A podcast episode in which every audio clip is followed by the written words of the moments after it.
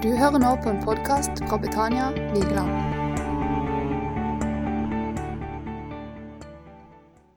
Fantastisk flott å leve. Jeg er glad i livet. Livet har fart fint med meg. Og så tenker jeg på hva er årsaken til det? Det er klart at det har litt å si hvem mor og far var. Det har det. Det er klart det har litt å si at jeg vokste opp på Skjøllingstad og ikke i Afghanistan. Det er klart at uh, genet har litt å si, men uh, oppvekst og miljø har noe mye mer å si. Uh, og tenk om jeg hadde vært en IS-kriger, så hadde jeg tenkt på en dag. En kan jo vite hvis en hadde vokst opp i en helt annen kant av verden. Du og møte Dette er helt ut. Skal, skal vi bytte? Nå kan vi bytte uten å vaske.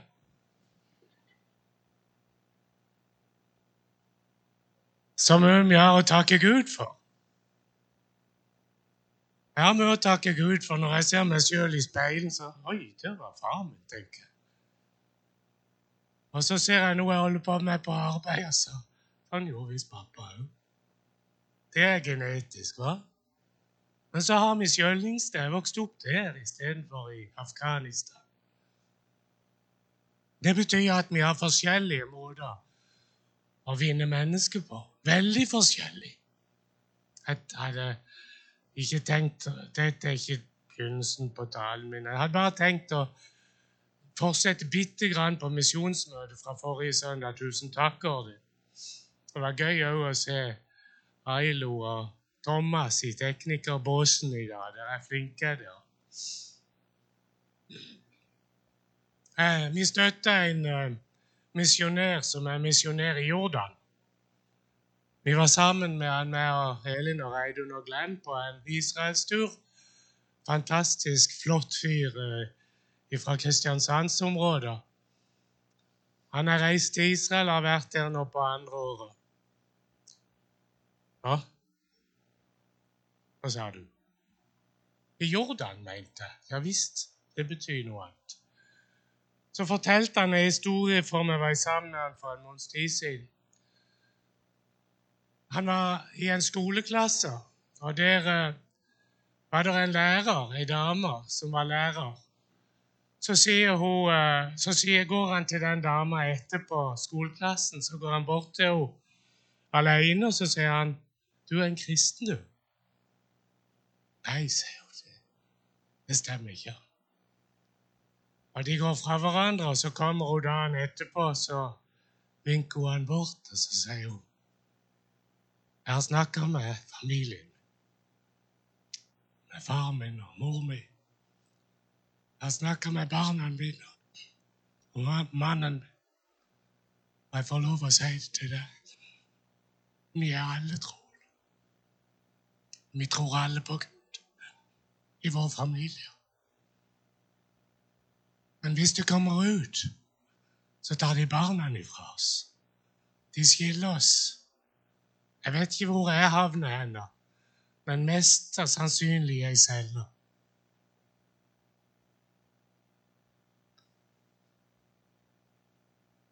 Vi har mye å takke Gud for, så jeg vokste opp på Skjøllingstad eller Vallemoen, eller hvor dere måtte ha vokst opp ennå. Vi har mye å takke Gud for. Vi kan forkynne ordet fritt ut i Norge. Edith, la oss gjøre det òg. Det er så flott å se. Solveig, alle dere som er med og vitner på gata og streder. Det er ingen av oss som blir putta inn, iallfall ikke ennå. Så la oss benytte anledningen. Så kommer hun til dagen etterpå og sier hun, vi er alle kristne i vår familie. Men ungene blir tatt ifra oss hvis de kommer ut. Ja, det er forskjellige pressområder. Og vi, som Ordin pleier å si, vi har vunnet i Lotto hver eneste dag som bor her vi bor. som kan gjøre som i sang her, fritt fortelle om Han vi tror på. Eh, jeg har eh, fra den tida jeg gikk på salen i ungdommen, var litt frustrert over at hvis en las fra Bibelen, så, så sier han men det sto sånn i den gamle, og det likte jeg så mye bedre. Og det var den gang der det var to bibeloversettelser å snakke om, og nå har vi jo ørten. Og jeg bruker hverdagsbibelen, og dere bruker en annen. og Jeg vet ikke hvilken dere bruker i dag. Men du har jeg sett. Eh, det har forandra seg i mitt sinn og tanker. For det har gjort det at når jeg tar den ene bibelen eller den andre bibelen, så ser jeg noen nyanser som bare vekker meg opp. Så ikke ta det der så tungt om det blir lest fra forskjellige bibler i dag, men se på det som en, eh, en mulighet for en ny åpning av Guds ord inn i sinn og tanker. Det har det virkelig vært for meg etterpå jeg fikk hverdagsbibelen. En liten vending og vri det kan Jeg tror ikke det er feil oversettelse, noen av tingene. Jeg tror det er bare litt annen eh, versjon eller måte å se ting på. Og det kan eh, også være med å utdype vårt tanke på hva er det egentlig som står. Og vi vet at eh, språk på så forskjellige grunnlag kan være veldig vanskelig å oversette, for det avhenger så mye av kultur at uh, vi har vondt for å forstå når vi skal oversette. Kjære Jesus, vi priser deg for vi får være dine barn i Norge.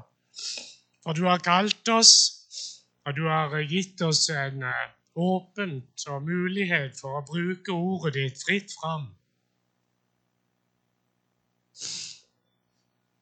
Herre, velsign du denne stunden. Sett ditt forstørrelsesglass imellom oss, så det kan forstørre mine tanker, ditt ord, inn i den enkelte som er her, Herre. Det er ganske kort, det jeg ser, men takk at du ser så mye lenger, Jesus. Takk at du har så mye mer å komme med, og, utdype det og forvalte det videre inn i våre hjerter. Det ber vi om, far. Led oss til Herre ved din hånd. Amen. Vi og Elin hadde fri to dager i sommer. Tre var det vel kanskje en fredagskveld og en lørdag og en søndag. Og Da vaska jeg meg på fredagskvelden, og hun gjorde klar campingbilen og henta meg. Og vi tok over fjellet. Det ble seint når vi kom over Haukelifjell. Tunnelen var stengt, så vi fikk en ledebil foran oss. Og eh, på den, på ryggen på den så sto det 'Følg meg'.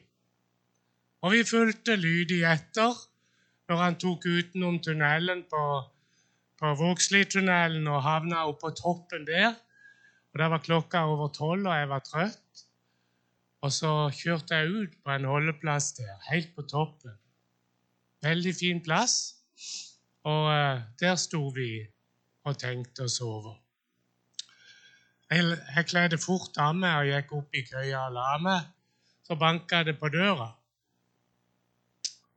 Det var jo så som så det jeg fikk på meg igjen, men jeg åpna døra, og der sto der en mann og sier 'Dere datt av køa'. Ja, det stemmer, det. Åssen i all verden vet du det? Det var ingen bak oss. Siste bilen. Ja, han, eh, De hadde antakelig telling på bilene, eller så at uh, den siste bilen var en steingammel campingbil, så, så den kom jo ikke fram. Så kom han opp og sa dere datt av kø.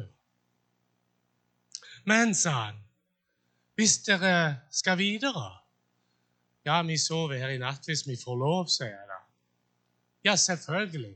Men heng dere på køa i morgen den køa som går den rette veien, selvfølgelig. Ja, ja, det skal vi gjøre. Det ga meg en tanke. Jeg vet ikke hvilken vei alle på Vigeland er på vei.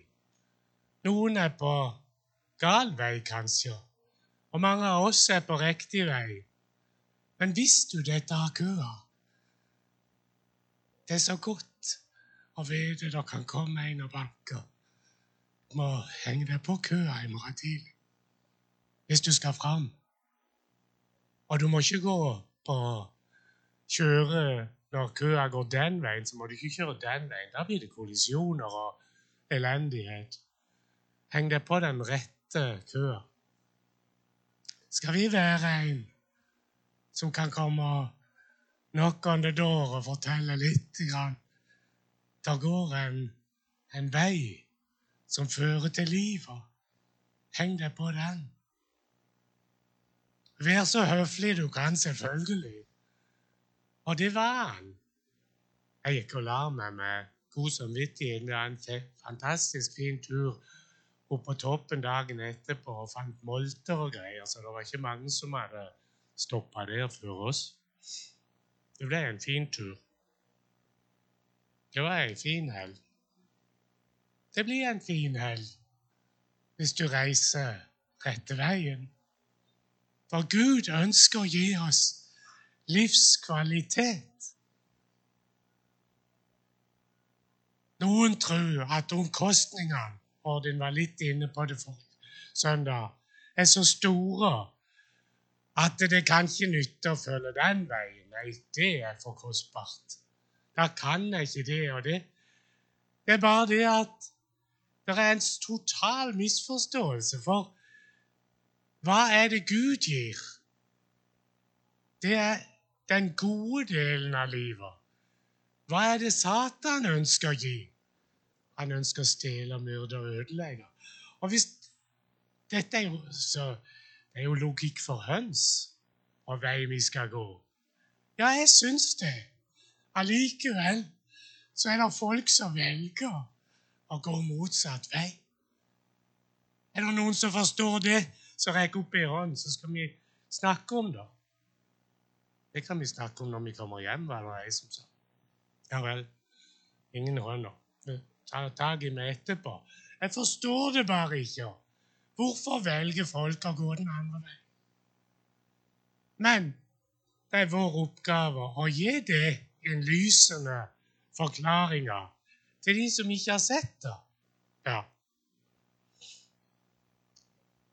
skal vi prøve oss på Matteus 4, 17-22. Jeg er så klein i lesing at eh, Og så har jeg innsett Elin har sagt det til meg i flere måneder du må komme deg til dyrle... Nei, øyelegen.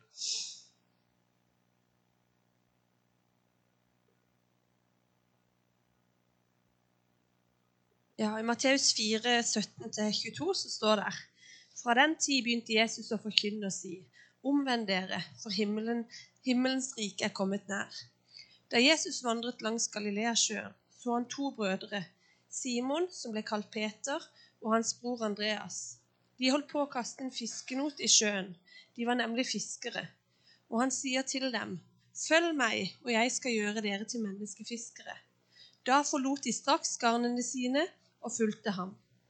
Da han gikk videre derfra, så han to andre brødre Jakob, sønn av Sebedeus, og hans bror Johannes.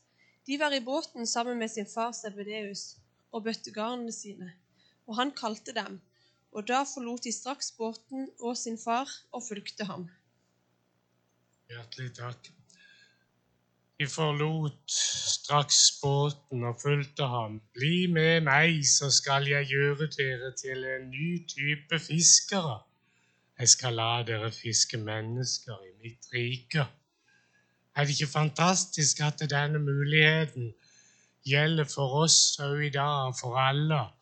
Og hvem er det denne muligheten gjelder for? Er det for alle? Ja, det er for alle. Og det skal vi se mer på. Um, vi har um, et merkelig uttrykk som jeg tenkte bare jeg skulle ta med for at ikke det skal misforstås. Det står i uh, Matteus 22, 14, og det skal jeg lese sjøl.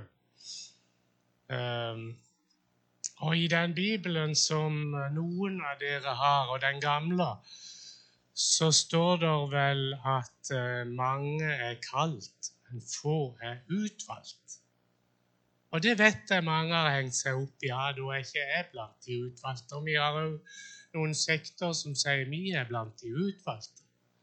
Og skryter av det at de er blant de 144 000, eller noe i den duren. Men eh, hvem er kalt, og hvem er utvalgt? Eh, da eh, Ja, da var ei forklaring der som jeg ble veldig begeistra for. Utvalgt er å takke ja til innbydelsen. Kalt til å leve et liv hvor vi ikke bare betjener oss selv. For det er nemlig det som er ankepunktet for mange. Jeg vil leve sjøl, jeg vil bestemme sjøl. Og hvis det er noe du kan stole på, ja, så tar ikke jeg sjansen på det, iallfall. For jeg har sett meg sjøl ta så mange vanskelige og ulogiske og gale avgjørelser, at da har jeg sagt at uh, det vil jeg heller overlate til en som er mye klokere og sterkere enn meg. For det står at Gud har all makt. Og da vil jeg heller forsøke å la de store avgjørelsene bli avgjort av Herren sjøl. Kalt til å leve et liv hvor vi ikke bare betjener oss selv, hvis du vil gå ut av den selvbetjeningssona og overlate ditt liv i Jesu hender, så er du både kalt og utvalgt etter Bibelens klare for, uh, ord. La oss uh, ta det til inntekt og være med og kalle folk så de kan få anledning til å bli blant de utvalgte. Altså overlate de vanskelige avgjørelsene til Jesus.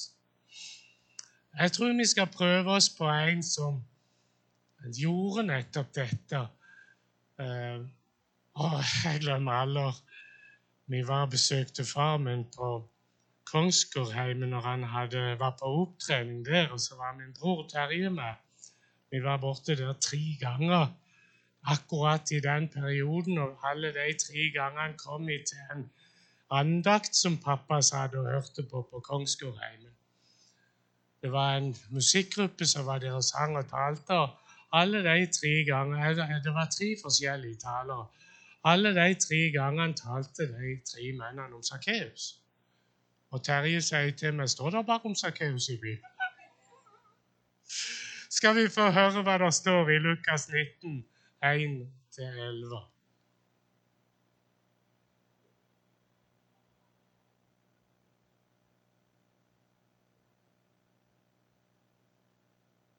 Ja, I Lukas 19 og så 1 til, til og med 10. Og Jesus kom inn i Jeriko og var på vei gjennom byen. Og se, det var en mann som het Sakkeus. Han var overtoller og en rik mann. Han søkte å få se Jesus, hvem han var, men han kunne ikke komme til for folkemengden, for han var liten av vekst. Han løp da i forveien og klatret opp i et morbærtre for å se ham, for hans vei gikk der forbi.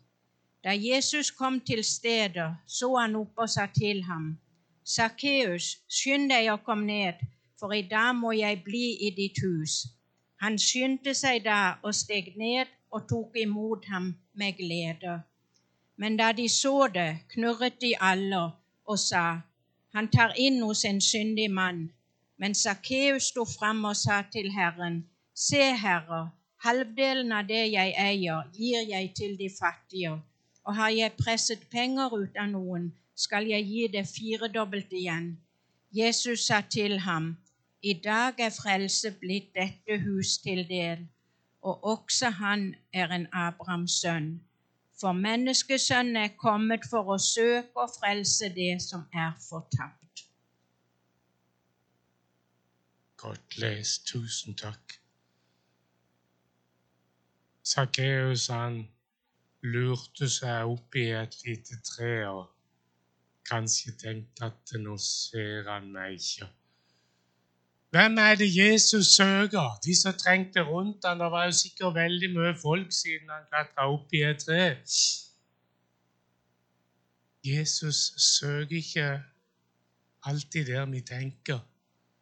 Vi skal se litt mer på det, men her sier Jesus plutselig så ser han Sakkeus. Og hvorfor han klatra opp i treet, det kan han sikkert bare svare på sjøl, men vi kan jo gjette. Men det er en del det er en del som vi leter etter, som klatrer opp i et tre, eller som kanskje ikke tør å klatre opp i et tre engang. Det er noen som er så skamfulle at ikke de tør å, å komme inn her, iallfall. Det er noen som er så beskjedne at heller ikke de tør å komme opp i treet eller trenge seg inn på Jesus.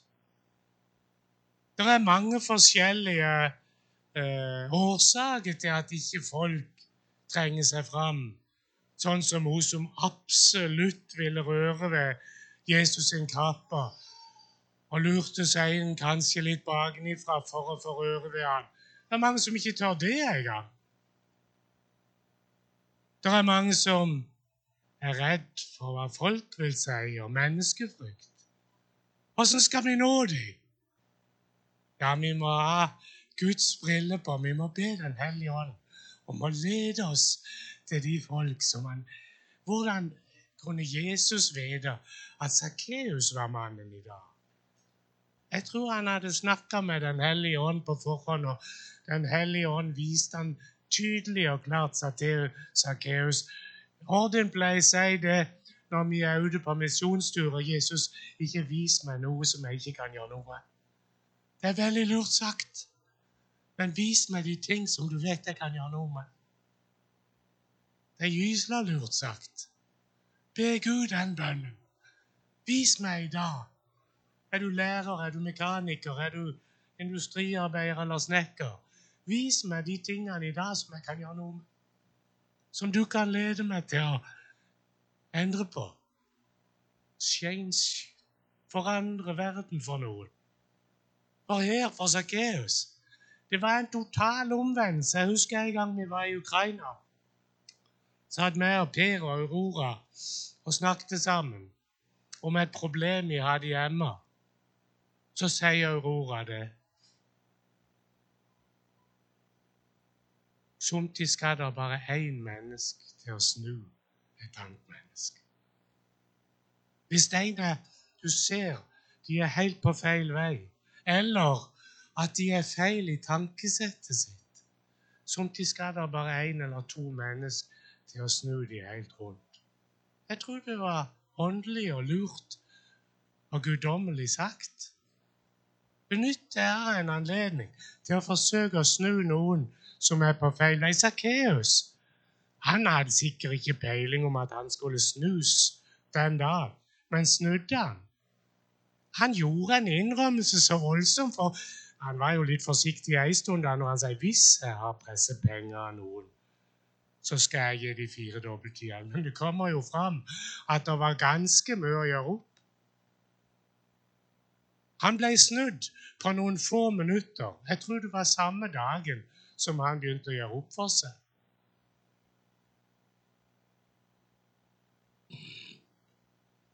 Kalt til et liv hvor vi ikke bare betjener oss selv, er litt av denne her prøvelsen på en taler. Vi skal ikke bare betjene oss selv, vi skal betjene Herrens vei gjennom våre liv. Jeg snakker akkurat like til meg, mye til meg sjøl. Det vet dere. Vi er i samme sko.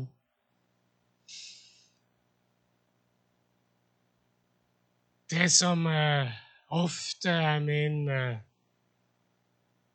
agenda når jeg går på jobb, det er akkurat dette avsnittet her. Herre, vis meg da hvor jeg skal ledes av din ånd.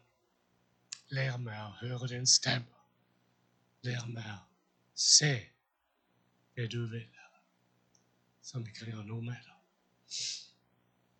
Skal vi prøve oss på noe veldig interessant som Jesus sier sjøl, Lukas 4, 16-19.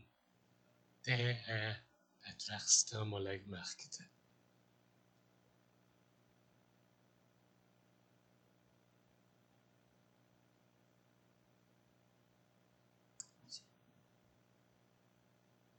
Ja, men jeg tror jeg ser.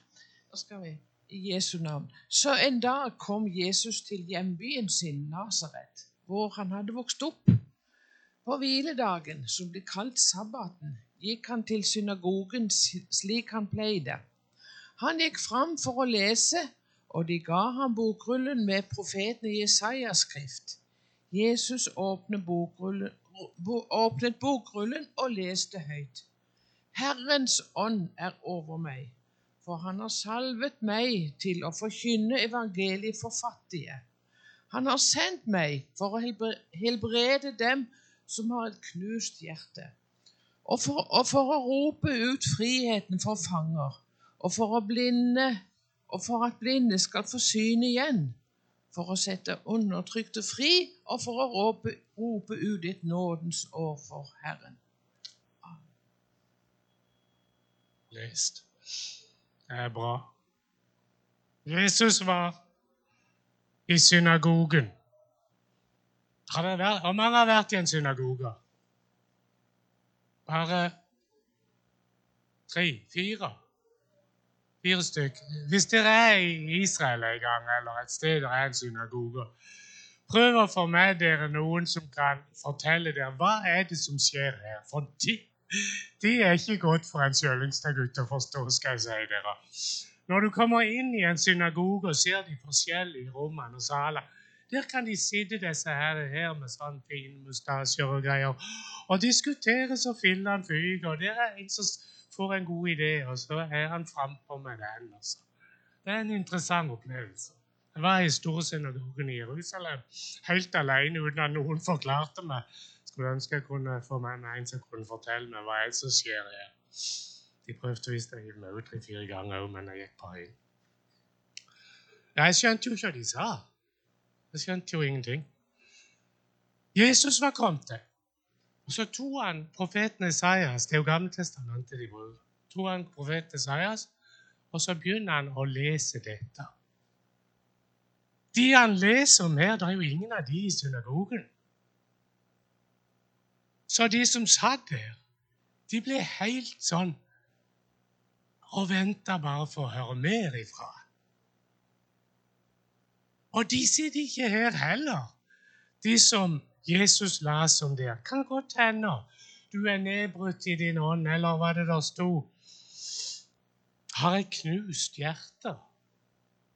Jesus ønsker å lege hjerter. Det kan hende vi treffer folk som eller kanskje du er her som trenger helbredelse. Eller på en eller annen måte er blind. Kanskje ikke på øynene, men det er noe du ikke ser. La oss be Gud om å åpenbare inn i våre hjerter, så vi kan få se hele Guds råd til sammen.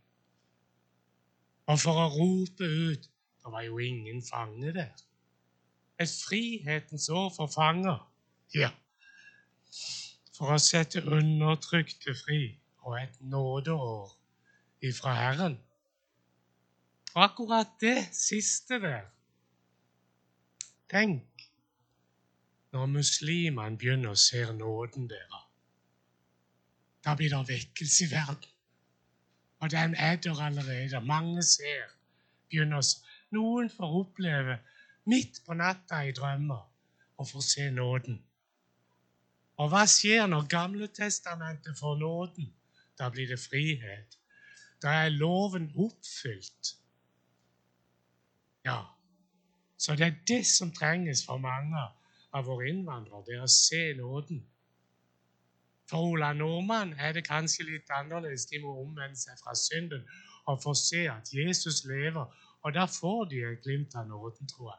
Men samme historien. Et nådens år ifra Herren, det trenger vi virkelig, dere. Så vi får se, så får vi være med og vitne for alle som trenger det. Dette her verset her eh, det har jeg, Når jeg leste nå igjen og tenkte på hva skjer i synagogen, og hva skjedde når Jesus sto der og las, det er ganske interessant. De ble interessert hva vil han nå komme med? Hva vil Jesus komme med nå? Og så får han sin anledning der i synagogen. I dag er dette skriftord blitt oppfylt rett for øynene deres, og de får se det er jo Messias som står her, og da er det bare én ting igjen. Skal vi tro på det? For det er troen som frelser mennesker. I Salme 34, vers 8, der står det Smak og se at Herren er god. Hvordan skal folk få smakt det? Jeg har venner som ikke taler om å få dem til å spise rosiner, f.eks. Hvor mange av dere er som ikke liker rosiner? Er det noen som ikke Var det ei hånd? Liker du ikke rosiner? Jeg, hæ? Under tvil. Jeg skal vedde på at Malene ikke har prøvd godt nok for å få det til å smake på dem. De er så gode! Og så kommer de fra en fantastisk saftig drue.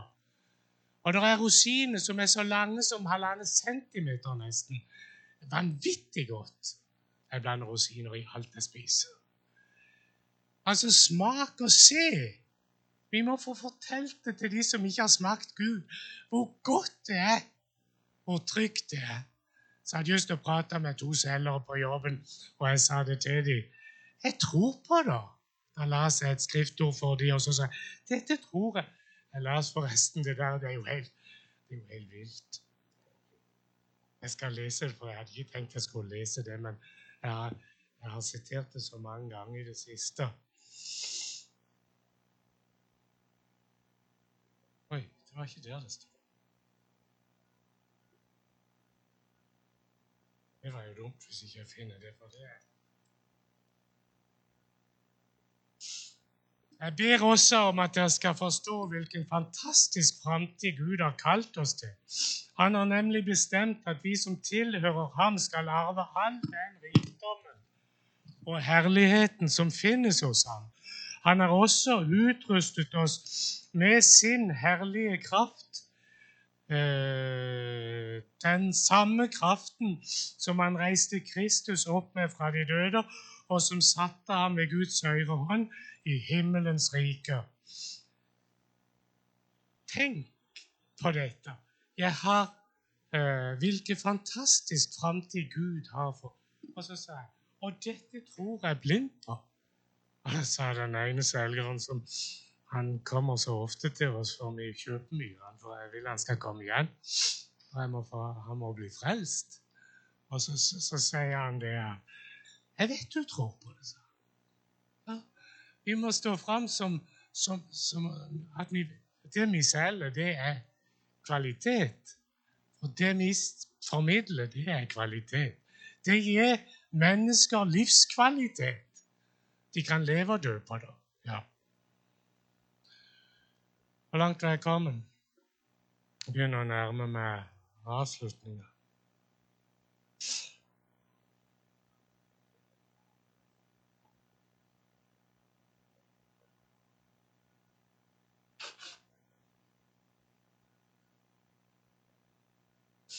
Jeg sa til å begynne med å vokse opp på en fantastisk plass med fantastiske foreldre. Jeg er ikke redd for å si. Det er ikke sjøldigging, det. Og eh, satt vi og snakket en gang Ei som ikke visste hvem faren sin var. Det er en del i dag som ikke vet hvem er pappa. Og etter en stund i sammen, faktisk ganske lang tid, så sier jeg du har sikkert lyst til å treffe far din. Ja, det hadde ligget under i ganske mange år. Og så la seg litt om det. Når alle ungdom er 18 år, så har de rett til å treffe far sin. Få greie på hvem faren er. Så fikk hun treffe faren. Det er ikke alle som har samme gode oppfatninger av å være sammen med faren som er her.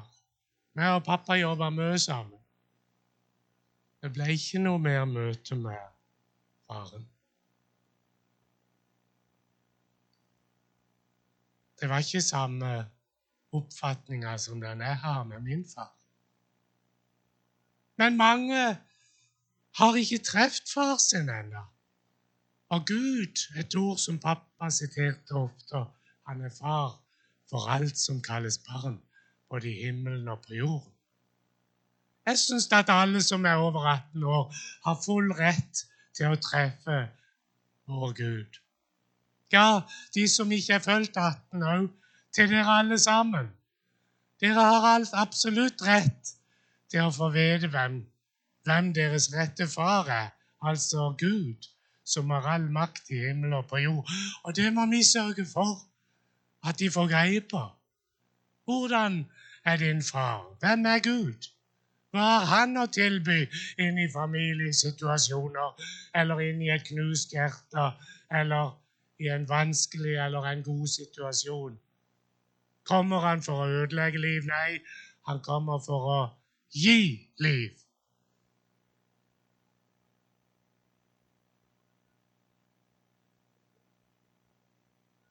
Han, vår far, han sendte til og med ut ei erklæring som det står sånn Jeg har elska dere så høyt at jeg ga min sønn for dere. Den eneste for at være den som tror på meg, han skal ha evig liv. Og den erklæringa syns jeg alle bør få ta til seg og forstå oss ta imot. For Gud, han er kjærlighet. Og vi vet at de som er glad i oss, har sagt det så mange ganger Jeg tør la Elin holde i bunnen av stien når jeg klatrer høyt opp. Men det er kanskje ikke alle jeg tør gjøre det med. Det var en som Jeg sto høyt oppe på trykkgaflene, og så var, var det en som gikk bort til spaken, og så gjorde han sånn med spaken. Så rista jeg jo ned, vet du. Det var jo bare for gøy, da. Det er jo ganske høyt og dette ned. Jeg tør la Elin kjøre trøkket når jeg står på kaflene òg. Ikke lov. Ikke si det til noen. Gud er glad i oss, og vi har en rett og en plikt til å fortelle de vi omgås, at det er Han som er vår rette far. For han er far for alt som kalles barn.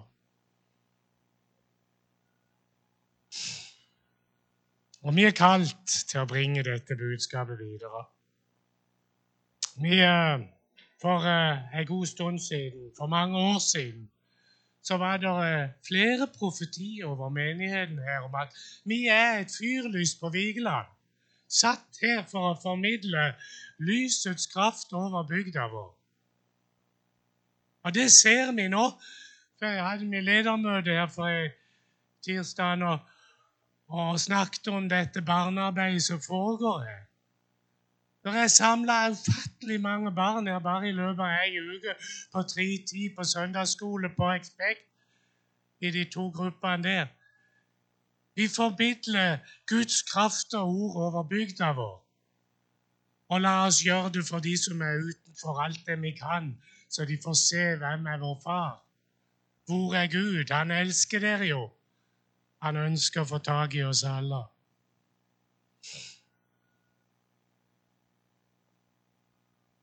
Var det ikke i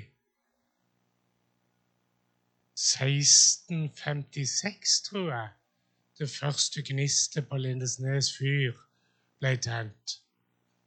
Det ble lagt ned igjen, for det var ikke sterkt nok. Så kom det et par nye, og nå går fyrlyset på Lindesnes 18 nautiske mil ut ifra fastlandet når det er klarvær. Og når det er mørkt, så ses det 18 nautiske mil ut. Det er ikke pæra som skinner så langt, men Gud kom. Han kommer med et forstørrelsesglass imellom oss og de vi snakker med. For vi omgis av Den hellige ånd. Og når Han får forstørre våre tanker inn i et menneske, så må vi tro at ikke nødvendigvis mine ord blir så bra, men når Gud får gjort det om, transformert det, så blir det et resultat i våre venner som hører det. Derfor er jeg fremodig, fordi at Gud skal ordne med de ordene vi bruker, så det blir en transformasjon inn i de som trenger det. Jeg tror på det. Jeg tror på Den hellige ånd. At den er mektig til å gjøre noe med det vi legger fram, så det kan virke til omvendelse, står det. Det virka veldig fort på Sakkeus.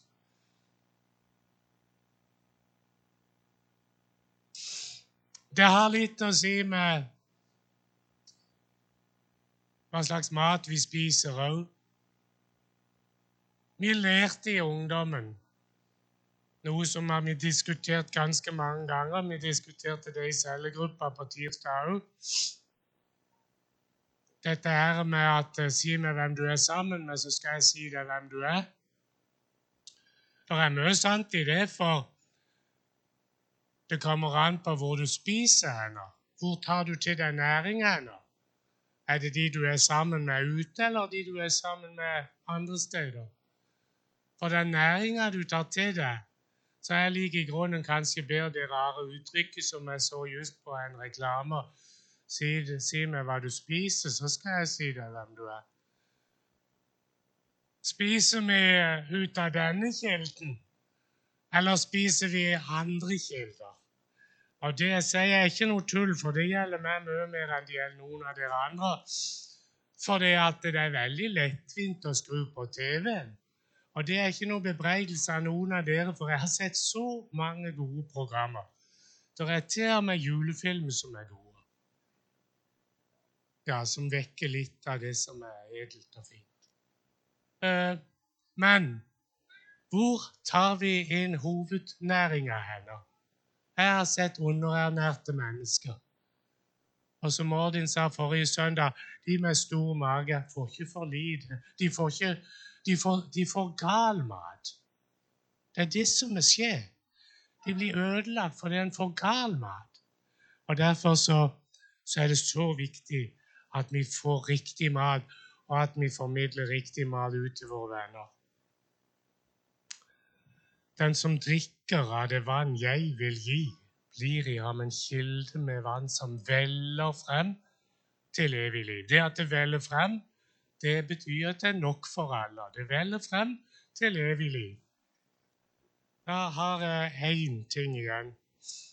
Noen av dere er så langt opp i årene at dere husker sikkert en Var ikke han biskop? Carl Fredrik Wisløff? Jeg tror han var biskop. Han var iallfall prest. Og uh, vi har ei gammel andagsbok uh, som vi leser på jobb. Uh, det er en av de som jobber der oppe, som, som henne, tok med, og den bruker vi. Og um, han Wisløff han har mange klare syn. Og hun er gammel. Jeg tror det var Står det ikke her at det er 81 eller noe? I 1981 er hun utgitt første gang, og etterpå i mange opplag. Hvis jeg får lov, skal jeg lese et bitte lite stykke der, som er en vekker for meg, og en, uh, og en uh, Jeg skal ikke pålegge noen noe annet enn til meg sjøl og dronninga mi. men dette er et ord som gjelder besteforeldre. Det er 7. september i denne boka. Disse ord, som jeg byr deg i dag, skal du gjemme i ditt hjerte. Du skal innprente dem i dine barn. Du skal tale om dem når du sitter i ditt hus, når du går på veien, når du legger deg, og når du står opp igjen. 5. Mosebok 6. Herren ga sitt folk i Israel forskrifter for gudstjenesten i tempelet. Dette var en viktig sak, for her skulle hele folket samles ved høytiden. Men Herren ga også forskrifter for hjemmets gudstjenester, og dette var det aller viktigste. Slik er det hos jødene til denne dag. Det egentlige stedet for gudstjenesten er i hjemmet, enda mer enn i synagogene. Dette skal vi som kristne merke oss, for dette angår oss i høyeste grad.